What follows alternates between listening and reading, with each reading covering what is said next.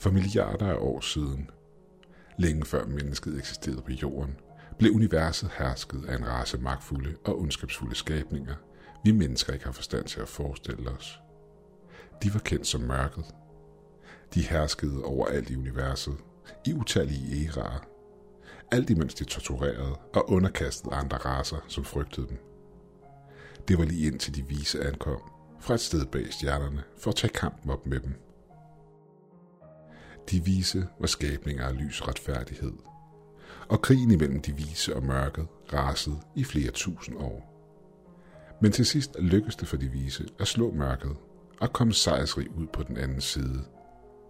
Mørket blev forvist til en kold og øde dimension, og de vise forsejlede portalen, inden de igen forlod vores univers for at vende hjem til deres verden. Jeg ved alt det her, fordi jeg var en af de videnskabsmænd, der var udstationeret på stationen, der lå i det øde og forblæste landskab, vi kalder Antarktis.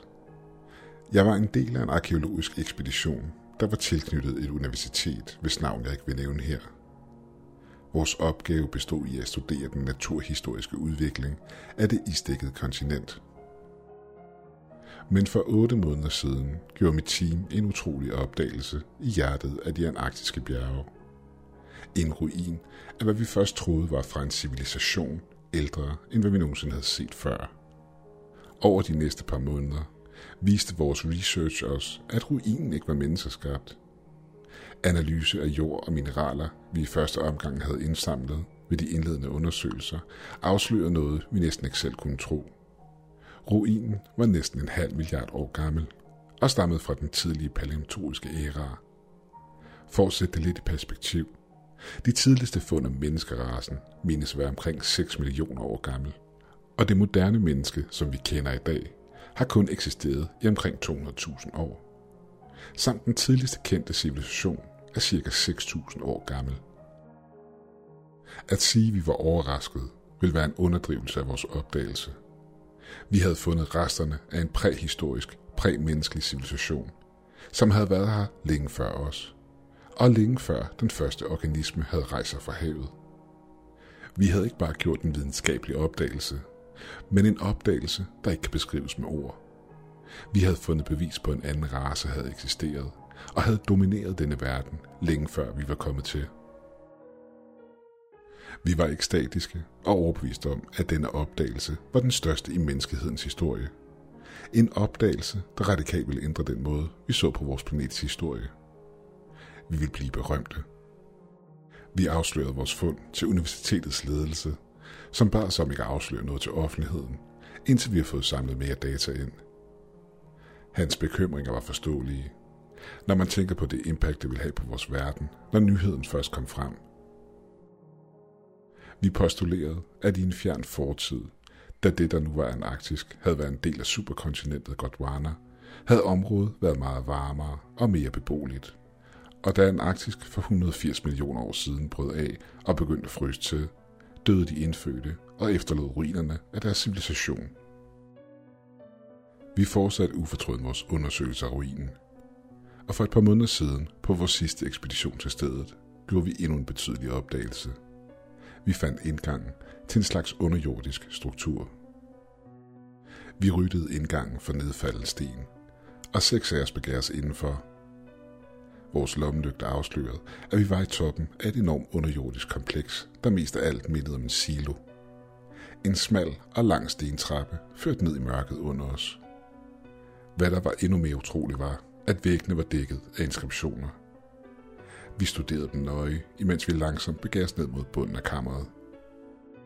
Inskriptionerne var en mærkelig blanding af piktografi og egyptiske hieroglyffer samt bizarre symboler blandet sammen med tegninger, ingen af os kunne finde hoved og hale i.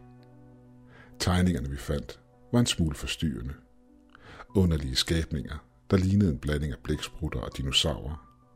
De var enorme med skældede kroppe og klør. Men også med tentakler. Andre lignede en krydsning mellem æderkopper og skorpioner med store klør og pigge, der løb ned langs ryggen på dem. Andre tegninger viste væsener, jeg ikke kan sammenligne med noget. Jeg har simpelthen ikke ord til at beskrive dem. Alt jeg kunne genkende på dem var deres røde øjne samt deres enorme munde, der dækkede det meste af deres kroppe. De var alle fyldt med gigantiske tænder, der skød frem i flere lag. Vores kryptologiske ekspert på holdet gik straks i gang med at dokumentere og optage inskriptionerne med sit kamera i samme øjeblik han så dem. Imens fortsatte resten af holdet deres nedstigning. Strukturen var højere, end vi først havde antaget, og trapperne fortsatte i en uendelighed ned i mørket. På et tidspunkt blev vi pludselig opmærksom på et meget svagt lys, der skød op ned fra mørket under os. Og jo længere vi gik ned, jo stærkere blev lyset. Til sidst var det så lyst, at vi ikke længere havde brug for vores lomlygter. Da vi langt om længe nåede bunden, ved at gætte på, at vi var omkring 200 meter under jorden. Alt vi kunne gøre var at stoppe op og bare stige rundt, fuldstændig målløs. Bunden af det cirkelformede kammer var omkring 50 meter i diameter. Det blev oplyst af et blødt gult lys. Og langs væggene hele vejen rundt, så det formede en cirkel, stod otte sølvlignende genstande, der mest af alt mindede om et højt køleskab. Lyskilden var en smal stråle, der pulserede det gule lys ud i rummet fra to af de otte genstande, der også udsendte en lav, men konstant summende lyd. De måtte vel stadig virke, hvorimod de seks andre genstande var stille og så ud til at virke mere. Forbløffet vendte vi vores opmærksomhed mod det, der sad i centret af rummet, og som de to pulserende lysstråler var rettet imod. I det jeg så på den, følte jeg en irrationel følelse af overvældende rasel og håbløshed skylle ind over mig. Ting mindede mest af alt om en kugle af solidt mørke, der hang frit i luften. Den var omkring to meter i diameteren, og mørket i den bevægede sig.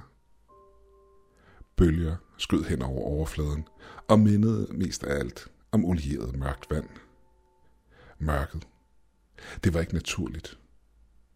Det var mørkere end sjælen på alle de mordere og sadister, der nogensinde har levet. Det var ren ondskab. Det er den eneste måde, jeg kan beskrive det på.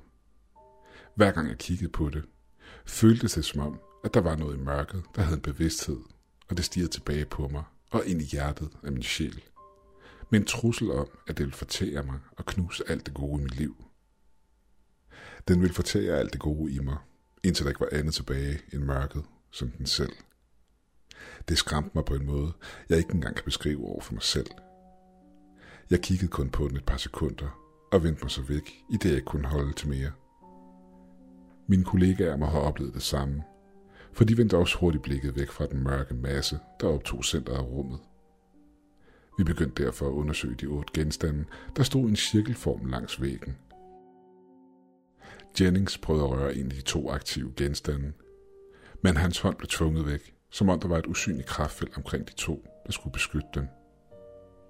Feldman, vores tekniker og ingeniør, begyndte at inspicere en af de seks andre genstande, vi formodede var gået i stykker. Ingen af dem havde et aktivt kraftfelt.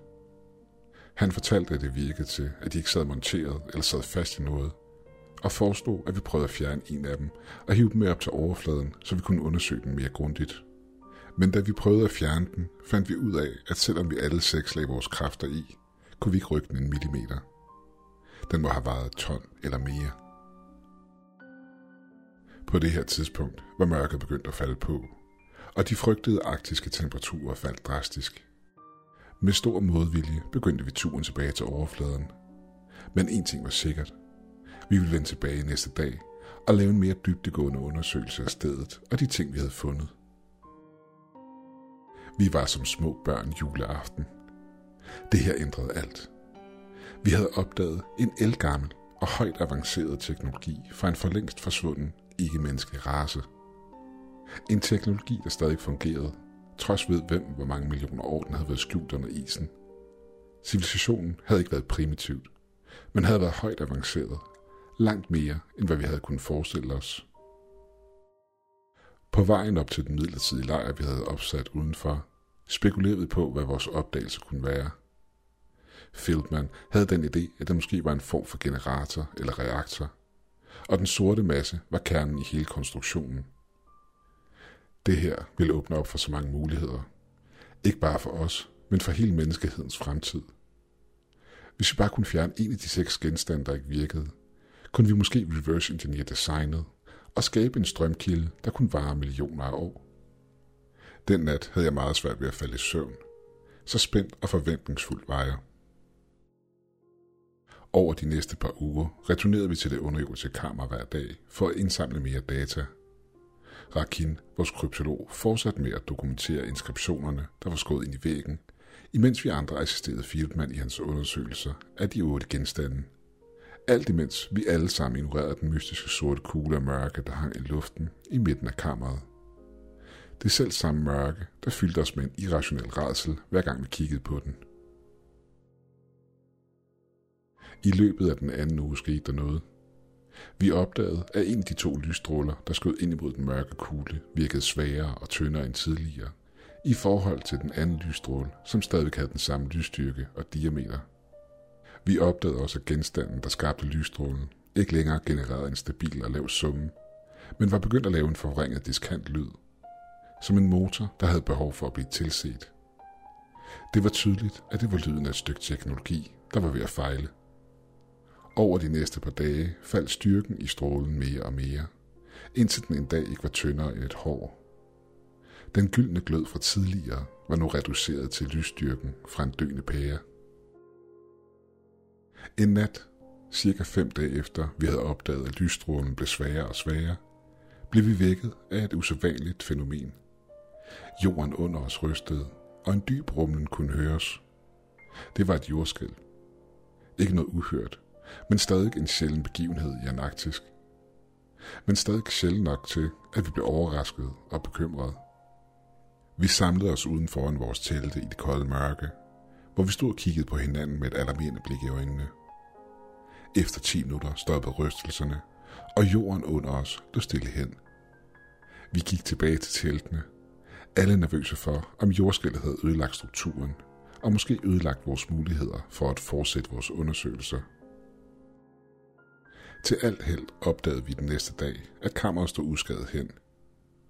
Duval var den første, der opdagede det. Den svage lysstråle var nu helt forsvundet. Robertson forestod, at det muligvis kunne have været jordskælvet, der havde gjort det af med den. Efter tre uger og meget roden rundt, opdagede Filman endelig en måde, hvorpå han kunne skille en af genstandene ad. Og med hjælp fra hele holdet lykkedes det ham at fjerne den ydre ramme, så han kunne se ind til de indre komponenter. Det han fandt forbløffede ham. Han studerede de komplekse komponenter, der lå i det mekaniske dyb. Og efter kort tid fortalte han os andre, at han ikke kunne finde hoved og hale i, hvad det var, han stod og så på. Han foreslog, at vi skilte nogle af komponenterne ad, for at undersøge dem under bedre forhold tilbage i laboratoriet, hvilket vil gøre hele hans undersøgelse meget nemmere, hvilket vi alle blev enige om. Vi havde været på stedet i næsten en måned, og på det her tidspunkt havde vi indsamlet alt det data, vi overhovedet kunne komme i nærheden af. Rakin var også blevet færdig med at dokumentere tegningerne på væggen, og vores forsyninger var ved at løbe ud. Så vi besluttede i fællesskab, at det var på tide til at vende tilbage til vores base. Jeg greb radioen og fik fat i vores pilot Nash og bad ham komme og hente os. Efter to timer hørte vi den umiskendelige lyd af en helikopter, der nærmede sig. Nas fløj os tilbage til basen, hvor resten af holdet hilste os velkommen, alt imens de lyttede spændt på vores fortællinger om vores opdagelser. Og Fieldman viste dem komponenterne, han havde taget med sig tilbage. Deres reaktioner var målløshed. På det her tidspunkt havde den arktiske vinter fået et fast greb, og sollys forsvandt støt og roligt dag for dag. Vi besluttede, at yderligere undersøgelser af ruinen ikke ville være sikre at udføre, før foråret kom igen. Men det betød ikke rigtig noget, da vi allerede havde en stor mængde data, der uden tvivl ville holde os beskæftiget det meste af vinteren. Fieldman gik i gang med at undersøge de sære komponenter, han havde haft med tilbage fra det underjordiske kammer, og Rakin gik i gang med at undersøge tegnene og prøvede at finde frem til en form for oversættelse ved hjælp af hans computer. To måneder gik, og intet usædvanligt skete. Dagene gik, og vi gennemgik de daglige rutiner, imens vi kæmpede med den voksne følelse af at være isoleret fra omverdenen, samt kedsomheden, der følger med, når man bor i en arktisk base flere måneder ad gangen. Det eneste, jeg lagde mærke til, som sprang mig i øjnene, var Rakin, der pludselig ændrede adfærd, cirka en måned efter vi var kommet tilbage til basen. Hans sædvanlige udadvendte personlighed havde ændret sig til at være mere stille og indadvendt og det han holdt sig meget mere for sig selv, når vi lavede forskellige aktiviteter sammen. Han snakkede sjældent til os, og når vi pressede ham til det, svarede han kun kort og med et fjernt blik i øjnene. Som om hans opmærksomhed var et helt andet sted. Han begyndte også at tabe sig og blive mere bleg i forhold til os andre. Og vi begyndte at blive bekymret for ham. Måske tilbragte han for meget tid med at studere inskriptionerne, og vi frygtede, at han var blevet for opslugt af sine undersøgelser. Carly foreslog, at det måske var cabin fever, der var ved at få buk med ham. Så vi besluttede os alle for at holde et øje med ham, hvis hans situation nu blev værre. Og for en måned siden, for en måned siden begyndte redslerne. Den eftermiddag kaldte Fieldman teamet sammen i hans laboratorie. Han var forvirret. Han indrømmede, at han efter ugers analyse af komponenterne ikke havde haft nogen succes med hans undersøgelser for at forstå, hvordan de forskellige dele virkede. Det gik fuldstændig hen over hovedet på ham. En teknologi så indviklet og så avanceret, at den kunne forvirre selv de skarpeste hjerner. Alt han havde fundet ud af var, at det bestod af noget metal, som ikke var kendt af videnskaben. Han foreslog, at når vi kom tilbage til civilisationen, skulle vi sende det til et laboratorium, der var bedre udstyret, og som måske havde bedre held med at finde ud af mere om de mystiske komponenter. Men vi tvivlede alle på, om de ville have en bedre chance end det, han havde prøvet. Fieldman var en af de dygtigste forskere inden for sit felt, som jeg havde mødt igennem hele min karriere.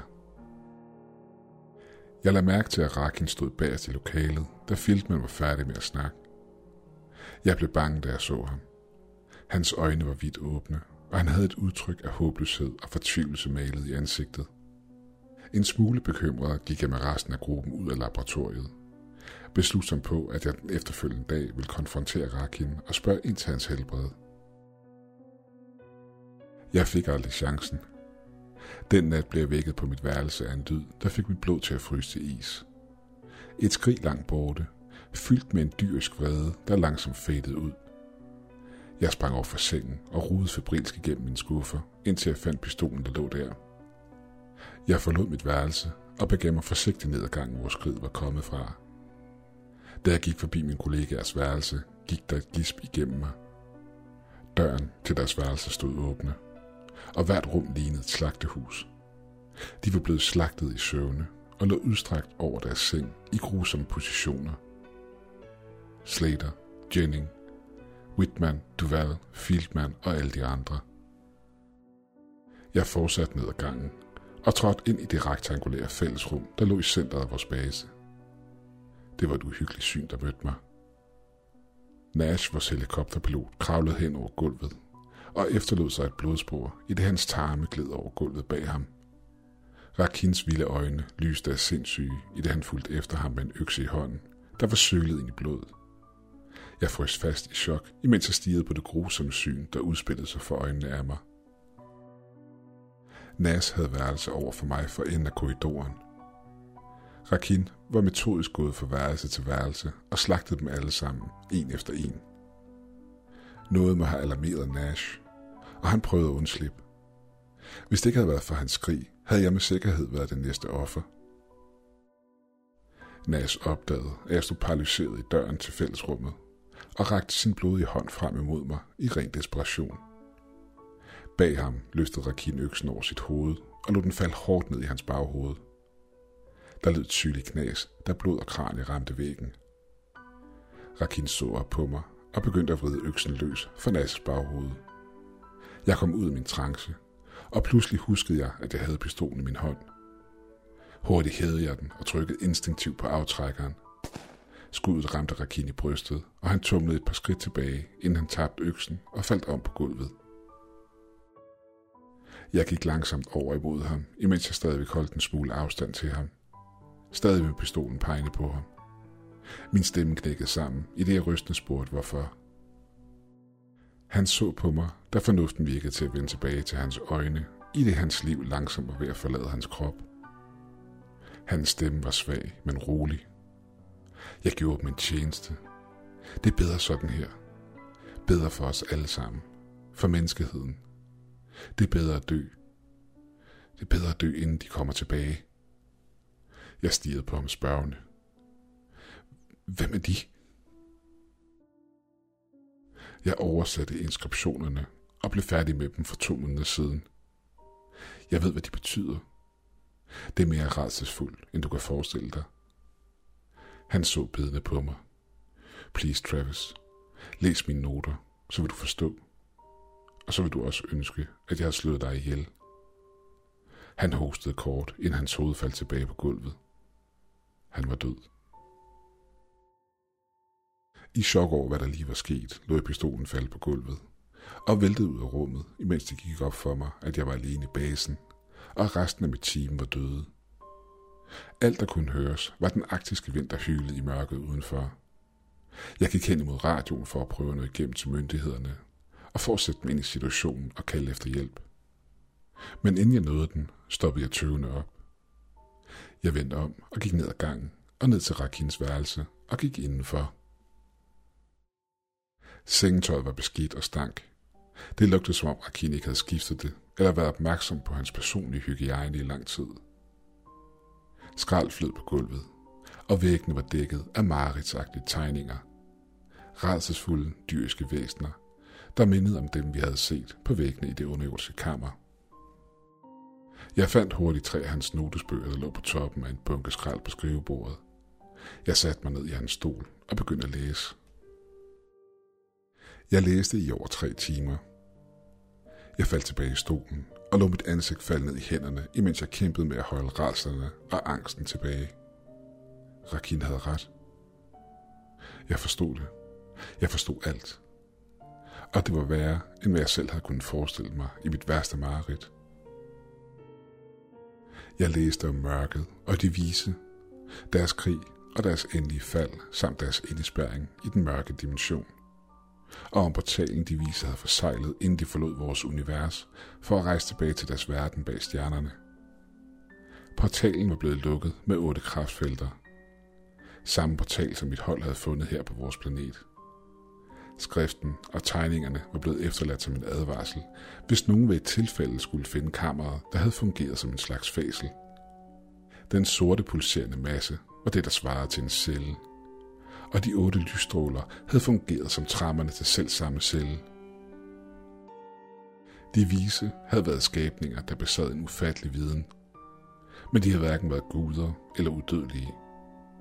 De havde blot været en avanceret race, der havde været millioner af lysår foran os. Men lysstrålen, der havde forsejlet portalen, den ugudelige sorte masse i kammerets centrum, havde ikke været magi. De havde blot en lang levetid. Nok til, at de kunne holde i millioner, hvis ikke milliarder af år. Men det havde stadig ikke været en teknologi, der var lavet af dødelige. En teknologi, der var millioner af lysår foran os, og som vi ikke havde muligheden for at reparere, eller for den sags skyld forstå. Der havde engang været otte lysstråler. Men over milliarder af år var teknologien blevet svagere og forfalden, hvilket sker for al teknologi. Lige indtil den dag, en lysstråle, eller en tramme om du vil, var alt, der holdt celledøren lukket. Den celle var døren fra den mørke dimension til vores verden. Måske var de vise opmærksom på, at trammerne kun var midlertidige, og at de en dag ville vende tilbage til vores verden og udskifte dem, når tiden kom til det men det var millioner af år siden. Og som alle dødelige raser, var deres race nok for længst uddød. Jeg ved ikke, hvor længe den sidste lysstråle vil holde portalen for sejlet. Den kan måske holde i 100 eller 1000 år. Men en ting er sikkert, set med et perspektiv på vores eksistens, så er vores tid ved at løbe ud. På et tidspunkt vil den sidste lysstråle slukke, og portalen vil endnu en gang åbne sig op.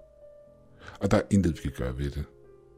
Intet kan redde os, og vi har ingen steder at flygte hen. Jeg brugte radioen for at kalde på hjælp, og fortalte dem, at Rakin var gået amok, og det nok skyldes isolationen og det, vi havde været afskåret for omverdenen i så lang tid. Jeg returnerede til staterne og sagde mit job op på universitetet. Jeg fortalte ledelsen, at jordskælvet havde forsejlet kammeret, og alt vores data var gået tabt, og Rakin var gået amok. Jeg fortalte ingen om vores opdagelse på Antarktisk. Hverken om kammeret, portalen eller Rakins noter. Hvem vil også tro mig? Men jeg føler stadigvæk, at jeg har brug for at dele det her med nogen. Så jeg besluttede mig for at poste min historie på et forum. Ikke for at advare, men for at bede om at nyde den tid, vi har tilbage. Få det mest ud af livet, mens du kan. Tiden løber fra os, og de kommer snart tilbage.